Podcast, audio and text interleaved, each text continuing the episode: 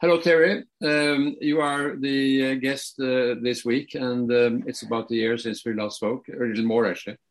Yeah, a little bit more. And uh, a lot of things have happened since then. And uh, you tell us what uh, what did you learn from the 36th America's Cup?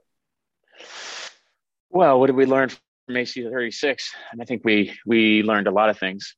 Um, you know, I think first and foremost, you know the the post regatta debrief you know highlighted areas of improvement. You know obviously the the one that always stands out the most is the results on the water. And so you know areas that we can improve and how to improve um, putting ourselves under more race pressure um, allowing ourselves better training opportunities with the existing boats that we have which we'll do. And we've initiated with um, the purchase of two ac40s um, for in-house two boat sailing um, and then secondly, um, a bit more on the business side, you know, setting ourselves up as a more professional or more business oriented uh, organization. So as we have um, sponsors and guests come through the program that we're better suited to accommodate their needs. And really, you know, the things that you learn inside one of these America's Cup teams is that, you know, the, the sporting side is very small and yet you need to have all the pieces to the puzzle correct. So if if one area of the team is off balance, um, then the performance on the water suffers. And you know, I think you know, so we've we took the proper amount of time to debrief that and to um, learn from those mistakes and make sure that we're better for the future. Mm. But it's been a very dramatic voyage uh, since um, since uh, then um, New York Yacht Club decided to go a different way and uh, sort of cut you out there for a while and uh, and went with the Stars and Stripes uh, team uh, for some time. And then they turned around and said uh, now we're not going to do the 20, 37th uh, America's Cup. And then finally they came back to you. Um, you were persistent you, you, were still planning to do your project with or without New York Yacht Club and so you were prepared to take that challenge when it can. Is there a question? well, yes, it is a question because um, I'd like you to explain, you know, what what did happen. Now, how did you go through all of this? Uh, well, I can only speak from an American Magic perspective. And at the end of AC 36, our agreement with the club uh, we fulfilled it outside of winning the regatta, and and from there, I think the um, from there we all, you know, took our courses of action and and um, but sitting here today um, for AC 37 and AC 38, uh, American Magic has partnered with the New York Yacht Club, and and um, I respect both American Magic and and New York for um, taking their due diligence to do what they thought was in each entity's best interest. And I'm also happy to say that we're back here together. And, you know, having been a member of New York for 28 years, you know, as always, it's a, it, as a sailor, it's a privilege to represent New York and its brand inside the America's Cup. And so, you know, all the, all the other points that you bring up, you know, it's in the past. And so I'm going to leave it there and focus on our partnerships for the future. Right. So what you are saying is that there's also a commitment not only for this coming America's Cup, but uh, the cup after that as well. Correct. Right. Yeah. Yeah. Which is really good. Yeah, that gives you some perspective and some time to do long long term. Uh, uh, yeah. Yeah. That's right. Yeah. That's you, right. Your your boats um, are still in uh, New Zealand, I believe, but I also hear that they're on their way back to US. Uh, everything's in New Zealand right now. So, so nothing's nothing's uh nothing's on a ship to come back to the United States. But you, you know, our our planning will you know, we're working on our planning right now. You know, we get the venue announcement at the end of March. And um, but we are a US based team. And um, you know, I think the vision of of Hap and, and Doug and the principals of our team is to, you know, set up a longer term uh, American Magic sailing uh, entity in the United States. And so, you know, I think you're going to see over the coming years our team taking those necessary steps to not only promote and support um, the sport of sailing, but to help grow it as well. But can we see that there is a two-step uh, rocket here in a way that uh, the new AC40s are going to be raced in New York for or in in um, in uh, America for for training purposes, and that uh, the um, the uh, the other team material will remain in New Zealand if New Zealand is going to be the next venue. Uh, to be determined. You know, you have to realize that you know an AC40 hasn't touched the water yet, and the first one probably won't touch the water for another six or seven months. And so, you know, I, I think we have to um, first things first. We have to know where the venue is going to be, and from there we'll make our our planning decisions. You know, based on what hemisphere it's in, and and it's obviously that um, you know those drive a lot of those decisions. So until you know, you don't. And you know, obviously we have a northern hemisphere plan and we have a southern hemisphere plan, and uh, we'll action those accordingly. Mm. Today is uh, anybody's guess uh, where the next America's Cup is going to take place. Mm. What uh, what is your personal? I don't waste my time trying to guess. You know, we entered the regatta. Uh, we're excited to be a part of it, and when when the time's right, the defender's going to let us know where we're going to race. But you know, with a lot of these things, because it's so far out of our control, you know, we can't we can't get consumed by it because it'll literally drive you mad. Mm. But you have some uh, influence, don't you think? Nope, I don't. I don't think we have any influence. I think the defender is going to do what they think is in their best interest and best interest for the regatta. And um, but you know, we we took the step to enter because we need to, you know, we need to be involved in the rules discussion. We need to get in line for the AC40s, and we needed to take these necessary steps. And so, um, with that, there's a little bit of risk, but for the most part, you know, that that decision is in the sole hands of the defender.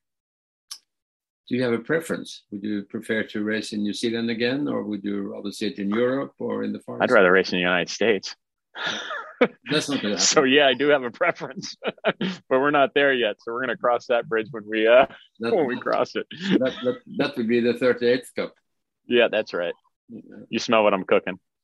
yeah. Um, uh, no, we don't have a preference.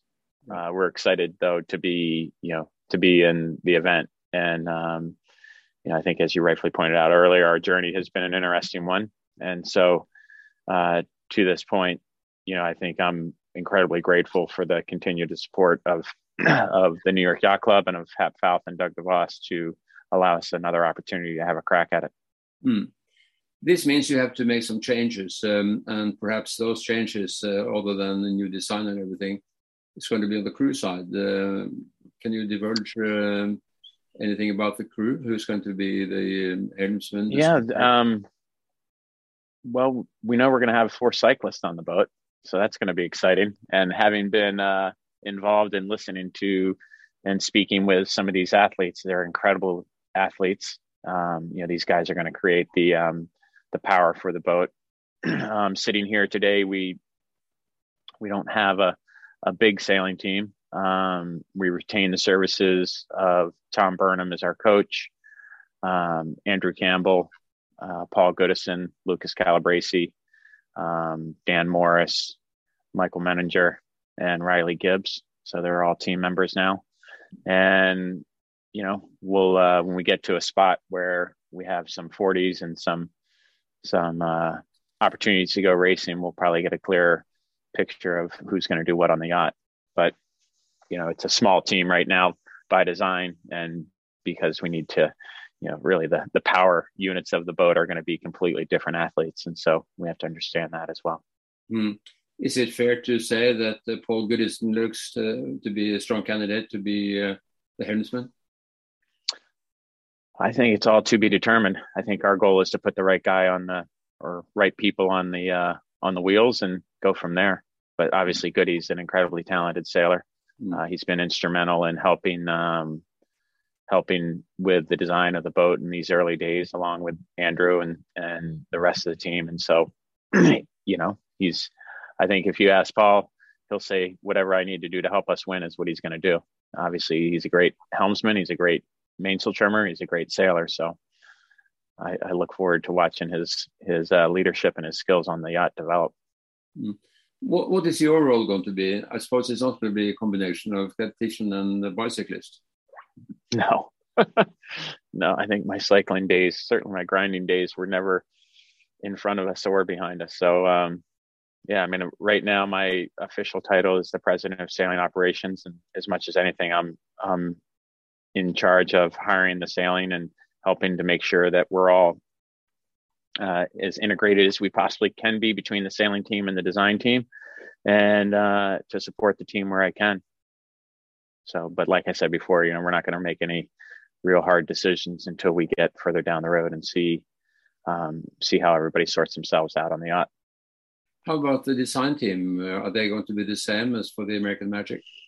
No, um, we retain the services of Scott Ferguson as design coordinator, and um, you know, inside of that, you know, there's sitting here today. There's a there's a week long design team meeting going on right now in in um, Newport.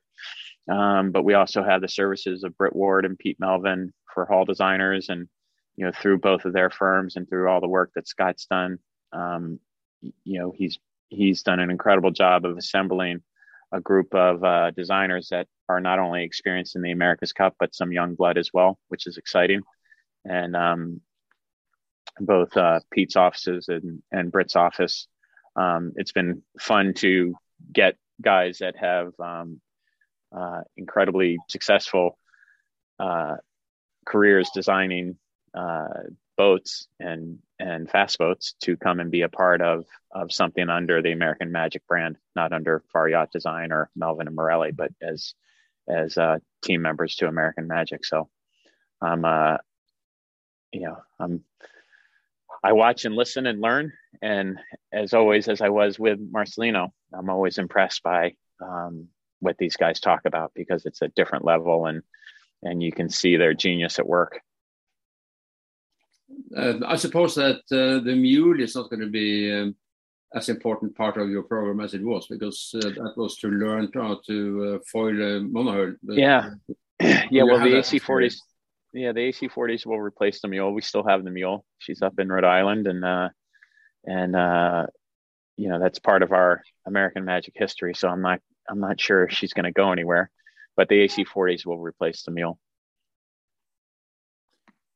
You have another challenge, and that is the nationality program. Um, where we were talking about uh, the um, uh, helmsman candidate uh, before Paul Goodison, who is British. Um, how do you deal with that? Will he get an American citizenship in time? Uh, he doesn't need to. No, because, protocol. Because there is a exemption for the people who have already been on, on the. Yeah, team. he's already been part of our team, so he's he's allowed to be part of our team mm. um, going forward. Mm. Is this going to be a challenge for you? Will you have enough American sailors to fill your team? It's 325 million people. I'm pretty sure we can uh, pick out a, mm-hmm. you know, when you look at the the list that I just read out to you, outside of Goody, uh, everybody else is a U.S. citizen. So you have to build one new boat, and that's all you are allowed to do. And so therefore, Correct. The, therefore, the timing of the build of this new boat is very critical. Mm. Yeah. What is the ideal time before the America's Cup itself is uh, well, you know, as I said earlier, we don't know the venue. So with the venue comes the date. And, um, you know, the, one of the things that's unique about this competition because the defender is going to compete in the um, part of the challenger selection series uh, all the boats will be coming out roughly in the same time i, I would expect though if you see a, um, a june america's cup you, know, you work back five months from there and you're going to see teams taking delivery of their boats, you know, December, January to give yourselves enough time to work the boat up, sea trial it, make it reliable and and learn it as fast as you possibly can. You know, it's always a balance. Mm. And um, you know, I think we learned in that last in AC 36, you know, the defender didn't take delivery too much after we did of Patriot. And yet, you know, their opportunity to develop uh, while the racing was going on, you know, that that helped them. And yet Luna Rossa came out pretty strong in the on the racing side of it. So it's uh it's always a balance. You know, obviously boat speed wins, and uh, but so does reliability and and the sailor understanding of the yacht. Do you think that the configuration of the boat will vary depending on where the races will take place. I mean, if you're yes. If you're in Valencia, it's predominantly light winds, whereas in New Zealand it's uh, heavier air, and uh, if it's in yeah. uh, you know, there's the typical. It's a great it's a great question, and and for sure the the boats would change from venue to venue. More so if you look if you're sailing in the Med or in Ireland, um, you know, there's a lot more sea state where in New Zealand it was reasonably flat water. And so, you know, I think you're going to, um, yeah, you know, you're going to see a different type of boat depending on what you're going to, you know, depending on where the venue is. It was a very critical uh, thing last time about uh, uh, getting on the foils and um, a minimum wind speed that uh, was required to run the race. Mm. Um, how do you see that? Will uh, the boats be designed to uh, foil more quickly, or will uh, will you require a heavier um, wind limit? No, they've they've kept the bottom end wind limit the same, and they've reduced the top end by two knots. And so, you know, the all the boats will be cha- will be facing the same issue. You know, the the boats have gotten lighter, the foil arms have gotten a little bit longer, so it, but it'll be this it'll be the same type of challenge. You know, interestingly, in AC36, the boat with the smallest foils um, was also the fastest maneuvering boat, and uh, the boat could get out of the water. So that's a combination of a bunch of different things, not just the foils. You know, that's hull, that's aero, and the foil. So, you know, it, it's a um, it's it is always a circular problem because the bigger the foil, the more the drag. And uh, you know what you saw in that last regatta was two boats that were at opposite ends of the spectrum from a size uh, in their foils, and yet the guy with the smaller foil uh, over the course of a 13 race uh, regatta, you know, he he just got faster and faster and and and won the regatta. So you're always going to make those decisions of of um, of designing what you think is fast and then learning how to sail it you know, without question, you're never going to make a slow foil fast if it's designed in that manner. And, Obviously, um, you have more experience in that field now than you had beforehand, so it's uh, it's not going to be easy, but it's going to be easier than than before. Yeah, no, that's, I think that's a good, that's a perfect summary. You know, because you have a little bit more knowledge, but mm. you know, with some of that knowledge, you know, that's a that's a dangerous thing as well because you can you can probably overthink yourself sometimes as as well. And in this one, uh, you only get uh, three foils, and they have to be the same family. So really, you know, you're, you're going to do a lot of you know when you launch your boat with the the set of foils that you have underneath it. From there, you only have one spare, and they all have to be of the same family. So all the uh, regattas being won in the next year. Right. Well, Terry, you, you didn't give me um, a, a, complete answer to what your own role was going to be. So I'm, I'm going to rephrase it. Uh, considering your age and your white hair, what is your most? Uh, Have you had a look in the mirror? Yeah, but I'm not, I'm not running for the America's Cup. yeah. But um, I'm going to do whatever I have to do to help the team to win. Exactly. And if that means what, what, that... what, is, what is going to be your most comfortable role? Are you will you be tempted to be on the boat for the fun and for the experience, or do you realize now that your time has come to manage the thing from from the shore? Um, I think we're incredibly lucky to have a great group of sailors that we've hired, and um, and I'm going to stand by. I'm going to do whatever helps us to win the regatta. You know, mm-hmm. February 14th in 2022, and something's uh, 29 months away. Probably a bit premature to to um, to make any hard decisions right now.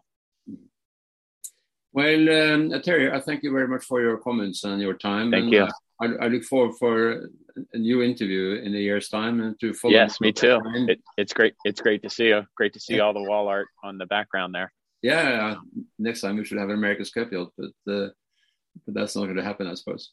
Yeah. Uh, but, but, good luck with your project, and we'll. Thank you. It's it's great to catch up. Yes, absolutely. Take care. Same to you.